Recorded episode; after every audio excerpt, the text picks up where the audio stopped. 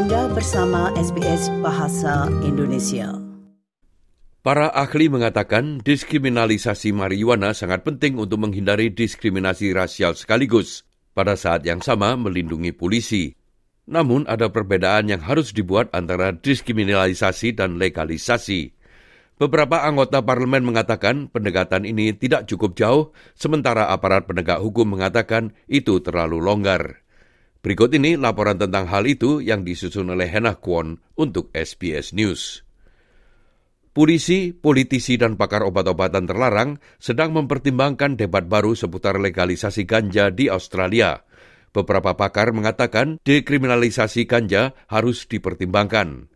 Direktur Program Pemodelan Kebijakan Narkoba dari University of New South Wales adalah Alison Ritter.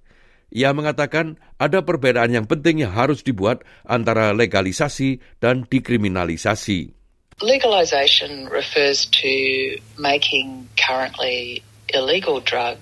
um, legal in the same way as alcohol and tobacco is. So you could purchase cannabis or methamphetamine from a shop There are likely to be regulations around age of purchase and there might be licensing requirements. So legalisation refers to the legal supply and use of drugs.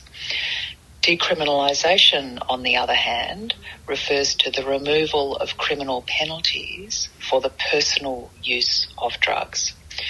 That is, if someone is using cannabis instead of a criminal response, um, they would receive an education or a health response.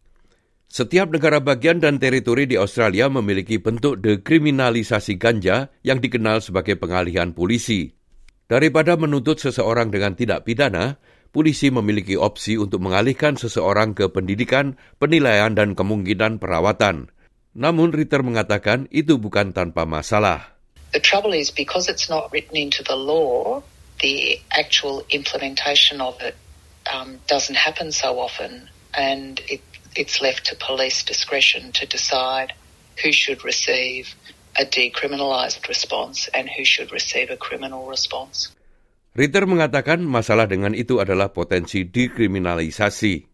There's some recent evidence from New South Wales that shows that um, Aboriginal and Torres Strait Islander people are much less likely to receive a police diversion response for drug related offending than um, a non Aboriginal Torres Strait Islander person. Um, so it's really important that the decriminalisation happens in law rather than um, just through police procedures because that protects the police actually from um, being accused of racialised policing. Anggota Parlemen Victoria untuk legalisasi cannabis, Rachel Payne mengatakan sistem peradilan pidana dipenuhi dengan kejahatan terkait ganja. And these are for possession only charges. So particularly in Victoria, we know there's roughly 10,000 arrests a year.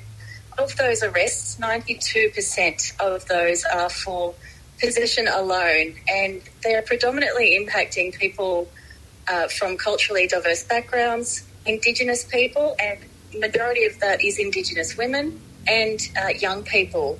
So we just don't want to see people criminalised anymore just for having a joint, essentially.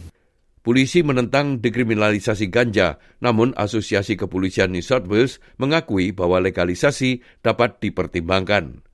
Sebuah pernyataan yang diberikan dari asosiasi itu kepada SBS News mengatakan setiap perubahan legislatif untuk legalisasi ganja harus mempertimbangkan petugas polisi yang diminta untuk secara praktis menegakkan langkah-langkah ini saat menjalankan tugas mereka.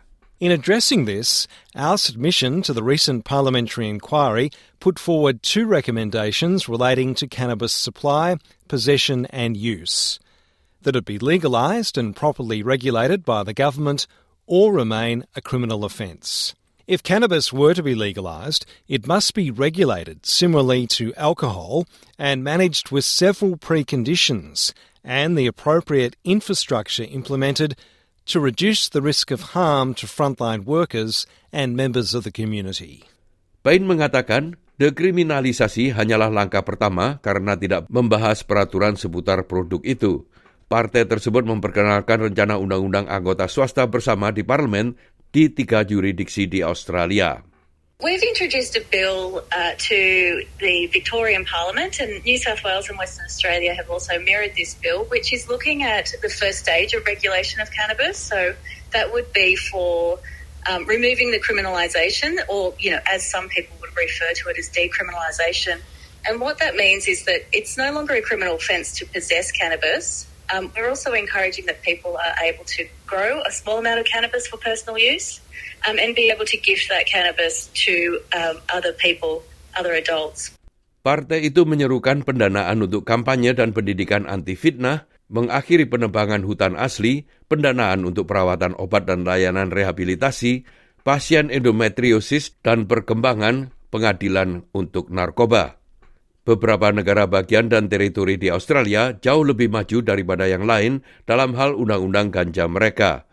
Ritter mengatakan New South Wales adalah yang terbelakang, sedangkan ACT adalah yang terjauh di depan di mana orang diizinkan menanam tanaman ganja dan memiliki jumlah kecil untuk konsumsi mereka sendiri. Australia Selatan memiliki sistem yang berbasis denda. Ritter mengatakan tujuan akhir dari dekriminalisasi adalah untuk mengurangi stigma dan meningkatkan kemungkinan seseorang akan hadir untuk penilaian atau perawatan. So decriminalisation doesn't reduce drug use. it doesn't increase drug use, more importantly, which is what most people worry about. And it's incredibly costly to process these kind of very minor drug use offences through the criminal justice system. Um, a significant amount of money could be saved if people were redirected towards education and possibly treatment. Demikian tadi sebuah rangkuman tentang legalisasi ganja yang disusun oleh Hannah Kwon untuk SBS News dan disampaikan oleh Ricky Kusumo. Anda ingin mendengar cerita-cerita seperti ini? Dengarkan di Apple Podcast, Google Podcast, Spotify, atau di mana pun Anda mendapatkan podcast Anda.